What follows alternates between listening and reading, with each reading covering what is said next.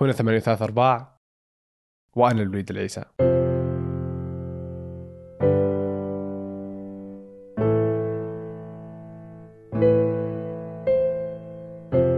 من المفترض أن الأفلام الوثائقية توثق أو تسجل حقيقة أو جانب منها لغرض التعليم أو الأرشفة التاريخية.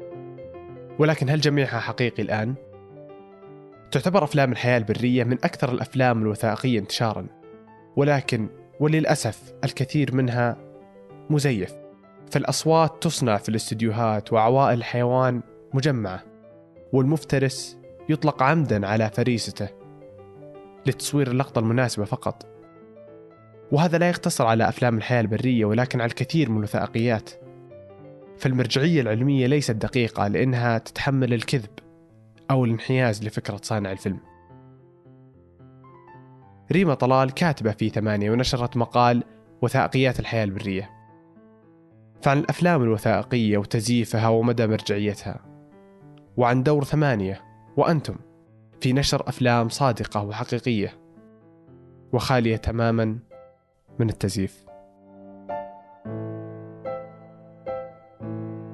هي كانت وقتها مقالة وحلقة بفنجان. هو اللي صار إنه قبلها بفترة كنا نتناقش في ثمانية قد إيش الأفلام الوثائقية بشكل عام هي مصدر موثوق. يعني قد إيش تقدر ترجع له. تلاقي مثلا بعض الأشخاص يقول لك معلومة بنقول له إنه أوه هذا مي صحيحة. يقول لك إلا أنا شفتها في فيلم وثائقي الوثائقي ممكن يكون مصدر جيد للمعرفة. مم. لكنه زي أي مصدر آخر يعني يتكلم عن الوثائق اللي يقدم معرفة. ممكن يكون مصدر جيد للمعرفة لكنه زي أي مصدر آخر. مم. يحتاج إنك أنت تشغل عقلك يكون في عندك تفكير ناقد في الموضوع. لازم تعرف إنه هو قد يكون يعني منحاز بسبب انحياز صاحبه. صح. يعني مثلا لو في شخص مثلا نازي بيسوي آه وثائقي عن الحرب العالمية مثلا. طبيعي بيكون منحاز للنازية يعني. بالضبط. فأنت. تجي. فأنت تجي تتفرج عليه ومثلا تقتنع به وتجي تقول لي لا هو في الفيلم شفت فيلم وثائقي كان فيه كذا وكذا طب يعني أنت. يعني أوكي بس هي ما هي معلومة. ما هي معلومة حقيقة مطلقة. هي في النهاية. رأي. نفس الشيء لو كتاب. لو كان في كتاب مثلا واحد يحب هتلر مثلا أو يحب موسوليني ما أعرف. وقاعد يكتب عنه آه، كتاب ويمجد في فيه. فأنت بعدين يعني هذا الكتاب ما ما أقدر أقول عنه إنه هو حقيقة أو مصدر للمعرفة. واي ثينك إنه كل مصادر المعرفه كذا يعني. في هذا ال- الجزء اللي هو اجتهاد الكاتب اجتهاد الناقل فأنت ما ينفع أصلا إنك تتعامل مع أي حاجة كأنه حقيقة مطلقة. فكنا نتناقش كثير في هذا الموضوع إنه يعني ترى الوثائقي مهما حاول صانع الوثائقي إنه ما ينحاز طبيعي إنه توصل إن- انحياز معين. يعني مثلا زي اليوم في الوثائقيات حقت الناس اللي مثلا النباتيين. مم. أنا ما عندي مشكلة مع النباتيين ناس كويسين مرة. بس إنك لما تتفرج على فيلم وثائقي عن النباتية هو يجرم تماما أكل اللحوم مدعم فعلا بحقائق علمية. يعني شوف هو ما بيكذب. هو قاعد يجيب لك أبحاث وحقائق علمية بس هو قاعد يختار الحقائق العلمية اللي تدعم كلامه مم. فأنا لو تفرجت عليه وقلت لا والله هذا جايب حقائق علمية أنا معاه أنا متفق أكيد هو كلامه صح. وما تفرجت في المقابل الناس اللي في الجهة المقابلة إيش تقول حقائقهم العلمية إيش تقول ما فكرت في الجانبين. في النهاية أنا غلطانة يعني ما حلوم صانع الوثائقي حلوم نفسي لأني أنا ما فكرت في كل الآراء وما ما بحثت أكثر عن الحقيقة.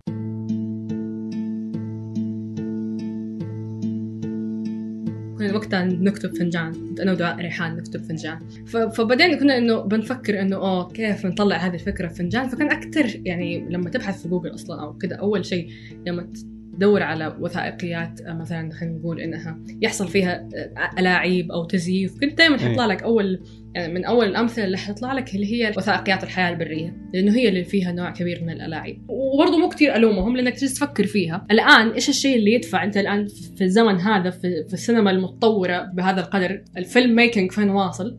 إيش الشيء اللي حيخلي المشاهد يتفرج على فيلم يوثق حياة حيوان؟ أول ما الح... الوثائقيات الحياة البرية كانت بس طلع كاميرا في في الغابة يعني وصور كيف الأسد يتحرك كيف المدري يجيبوا للناس في المدينة. بشكل مثير مرة يعني مجرد مشاهدة أي حيوان. مبهر أنا كيف قاعد أشوف الأسد آه. في بيته وكيف قاعد يت- يتصرف. صح. بس الآن okay أنا شايفه الأسد مليون مرة فإيش الشيء المثير في الموضوع؟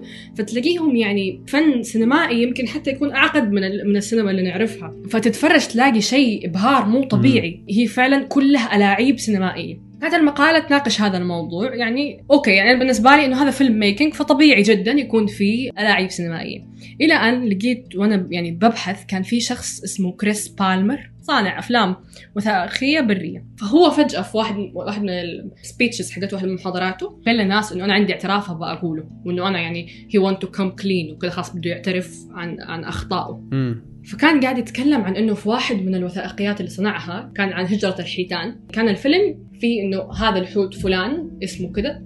وإحنا حنمشي معاه من بداية الفيلم لنهاية الفيلم عشان نوريكم كيف مراحل حياته كيف هجرته كيف يعيش وهكذا. فهذا كان الفيلم. وكانوا فريق العمل في الفيلم قاعدين يروجوا لنفسهم إنهم هم فعلا أختاروا حوت واحد وعاشوا معاه وحبوه وحبهم وهكذا. وهذه كانت القصة اللي كانوا يقولوها عن, عن الفيلم. فيلم نجح وطلع وضرب وكل شيء. بعدها بسنين هذا كريس بالمر في هذا الخطاب قال لهم أنا ندمان مرة على اللي سويته في الفيلم ده. سويت خطأ أخلاقي كبير. إيش الخطأ الأخلاقي الكبير اللي عملته؟ إنه أصلا ما كان فيه الحوت الفلاني. آه. إنه كانت عبارة عن مجموعة حيتان إحنا بنصورهم في مراحل خلينا نقول مختلفة من هجرة الحيتان وفي كل مرة كان نسلط الكاميرا على واحد حوت ونقول إنه هو فلان صاحبكم. لأنه فعلا صعب إني أجلس ألاحق حوت واحد هو بالذات بعدين أنا أعطيته اسم وكل شيء وقعد أناظر وين راح وين جاء. بالضبط هو مرة صعب بس إنه يعني أنا قلت في الفيلم إني أنا لحقته وأنا ما هو لحقته هنا الغلط اللي إيه. بس بس هو ليش ليش قال كذا؟ يعني قصدي ليش ليش ما قال okay هذه رحلة الحيتان كلها وكان صادق ووراك المعلومات اللي بتوصل لك سواء كانت آه، بهذه الحقيقة اللي هي مجموعة حيتان أو ليش ليش يكذب ويقول هذا الحوت الفلاني ويقدر إياه؟ هل عشان يوصل عاطفة أكثر ولا إيش؟ yeah هي storytelling هو عشان يبغى زي ما زي ما بقول لك هو يبغاك فعلا تتشجع إنك تشوف الفيلم. وتصير بادئ مع مع شخصية معينة زي أي فيلم مثلا زي آه أنت في شخصية معينة ارتبطت فيها بالبداية وتبى تعرف مراحل حياتها وتبى توصل للنهاية إيش صار لها فهذه الطريقة لصياغة القصة storytelling إنك أنت تتعاطف مع الشخصية إنك أنت زي كذا وهذا عموما يعني شيء ترى مرة common مجال الأفلام الوثائقية. دائما حتلاقي البطريق فلان ولا الأسد فلان صح. ولا دائما حتلاقي في شخصية في معينة في ب 2009 كان فيلم يتكلم عن سلحفاة نفس القصة. إنه وين راحت وين مشت العجيب إنه طلع اللي اللي سوى الفيلم وقال بعد فترة إنه آه، جزء كبير من اللي صار بالفيلم ما كانت مو إنها سلحفاة ثانية لا كانت CGI يعني كان أوه. اجزاء كبير أصلا بالكمبيوتر مسوية بس عشان يمشي القصة ويحط الشيء اللي يبيه وكان CGI. مضبوط لدرجة إنك يعني ما تدري إنها صدق ولا لا فانا كنت أفكر إنه يا أخي ليش أنت تلزم نفسك اخلاقيا قد كذا طبعا هو في النهاية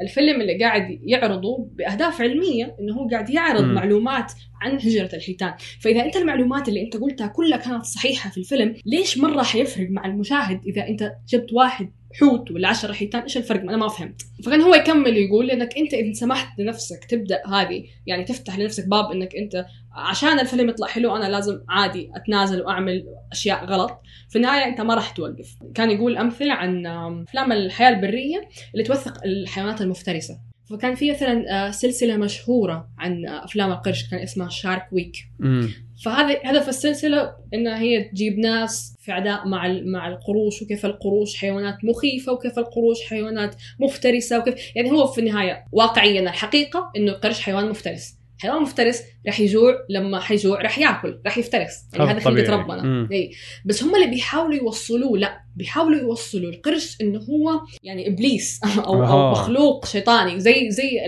الأشرار اللي موجودين في أفلام مارفل ود- ودي سي. وكذا فاهم؟ يعني ليش بيوصل هذه الفكرة؟ نفس نفس الغلط إني أنا بدي أسوي آه، مادة آه، ممتعة للمشاهد. أبغى أخلي ليش المشاهد حيشوف فيلم عن سمك القرش إذا أنت تلاحظ أصلا في هوليوود في كتير أفلام إنه كذا فيلم ما هو علمي ولا حاجة بس إنه يكون عبارة عن سمك قرش هجم على ناس وقتلهم صح ففي في هذا أصلا الناس عندهم قبول لهذه الفكرة. فكان يقول إنه الناس اللي بدأت تتنازل تنازلت إلى ما لا حدود. كمان كان في برضو ال- ال- الثعابين. برضو الثعبان يعني حيوان مفترس بس أنت مفترض إنك ما تروح تقتله إذا هو ما. أذى ما أذاك. ففي في كانت سلسلة أفلام آه بعد فترة اكتشفوا الناس إنه اللي قاعدين شغالين على السلسلة دول إيش قاعدين إيش إيش ال industry حقتهم اللي يشتغلوا فيها؟ اللي هي صناعة الجزم وال- والحقائب اللي من جلد الثعابين واو. فأنا قاعد أوري الناس قاعد أدخل في الوعي الجمعي حق حق الناس وأصور لهم الثعبان على إنه كائن المفترض ما تتعاطف معاه لأنه هو مرة شرير. فيعني هو جالس يقول إنه يعني المفترض إنه الناس اللي بتصور الحياة الوثائق الحياة البرية هم أكثر ناس مهتمين في البيئة وأكثر ناس يبغوا يفيدوا البيئة. واللي. صار إنهم هم قاعدين يستنفعوا منها وقاعدين يضروها.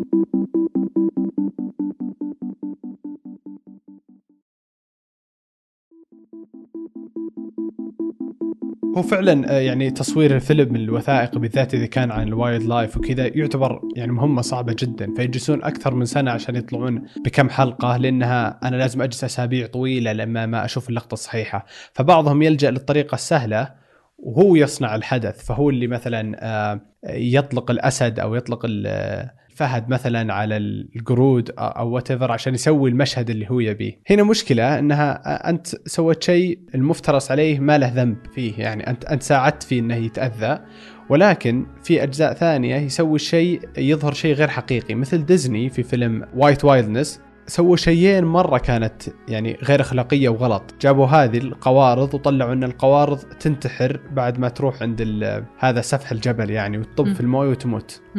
وإن طلعوها إنها as fact وإن هذا الشيء سبب اللي يخلي القوارض يقل عددها في السنين الأخيرة ولكن طلع لا القوارض أصلا طلعت من من مكانها الأصلي ودوها لمكان جديد مو مكانها مو متعود عليه فسوت هذا الشيء ولكن هم كانوا يقولون لا أصلا هي يعني هذه الحيوانات مو ذكية واصلا تطب بدون ما تفكر وإنها تتبع سياسة القطيع وما إلى ذلك. أتوقع كمان أنت صادق وليد كان هم هم دفعوها هم دفوها، القوارض أول شيء هي كانت فجأة تنقص أعدادها وما إحنا عارفين ليش. م.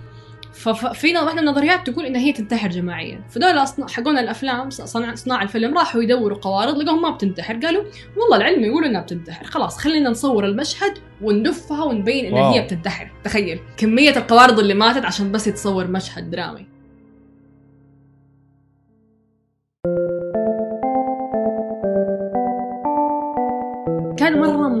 يعني في هذيك المرحلة إنه إحنا نتكلم في هذا الموضوع إنه كان في بالنا إنه إحنا نبى نبدأ وثائقيات ثمانية. وقتها إلى هذيك اللحظة إحنا ما بدينا وثائقيات ثمانية آه ما كان في وثائقيات. لا لسه إحنا شغالين على فنجان. أوكي. فكان مرة مهم إنه إحنا يعني نناقش هذه المسألة ونكتب المقالة ويصير هذه النقاشات دائرة لأنه بعدها صارت في هذه الفكرة في بالنا. إنه كنا نتكلم عن المسؤولية الأخلاقية تجاه صانع الفيلم نفسه قد إيش يقدر يكون صادق قد إيش يحق له فهذه النقاشات كانت مرة مهمة في هذيك المرحلة لأنها بعدين صارت حاضرة معانا. فإحنا في ثمانية نتناول نوع مختلف تماما من القصص يعني إحنا نصور نصنع وثائقيات واقعية أكثر اللي هي تعكس آه صورة مجتمعاتنا العربية قضايانا وهمومنا وقصصنا. فهذا توجهنا الرئيسي. إحنا في البداية كنا اخترنا إنه إحنا نعكس المجتمع. فلذلك صار عندنا هذا الحمل حق إنه لازم تكون القصص واقعية 100% إنه إحنا نحاول نصورها بأقل تدخل ممكن مننا. زي ما أنت حتسمعها من صاحبها لو لو قابلته في أي مكان. لو أبغى أعرف عنك دحين لو أبغى أصور معك وأبغى أعرف عنك تجربتك في في في تسجيل مثلا بودكاست أو تجربتك كطالب كطالب طب مثلا فتلاقيني أقول لك إنه يا وليد إحنا حنصور وأنا أبغى آخذ منك هذه القصة وهذه القصة وهذه القصة. اللي كذا بشكل عام. وفي الوثائقي أنا حبدأ أسألك الأسئلة اللي, أنا اللي فعلا تهمني. يعني أحاول قدر الإمكان إني ما أعطيك الأسئلة من قبل لأني أنا أبغى منك تكون الإجابات صادقة حقيقية. أنت حتقولها زي ما إنك بتقولها في أي مكان.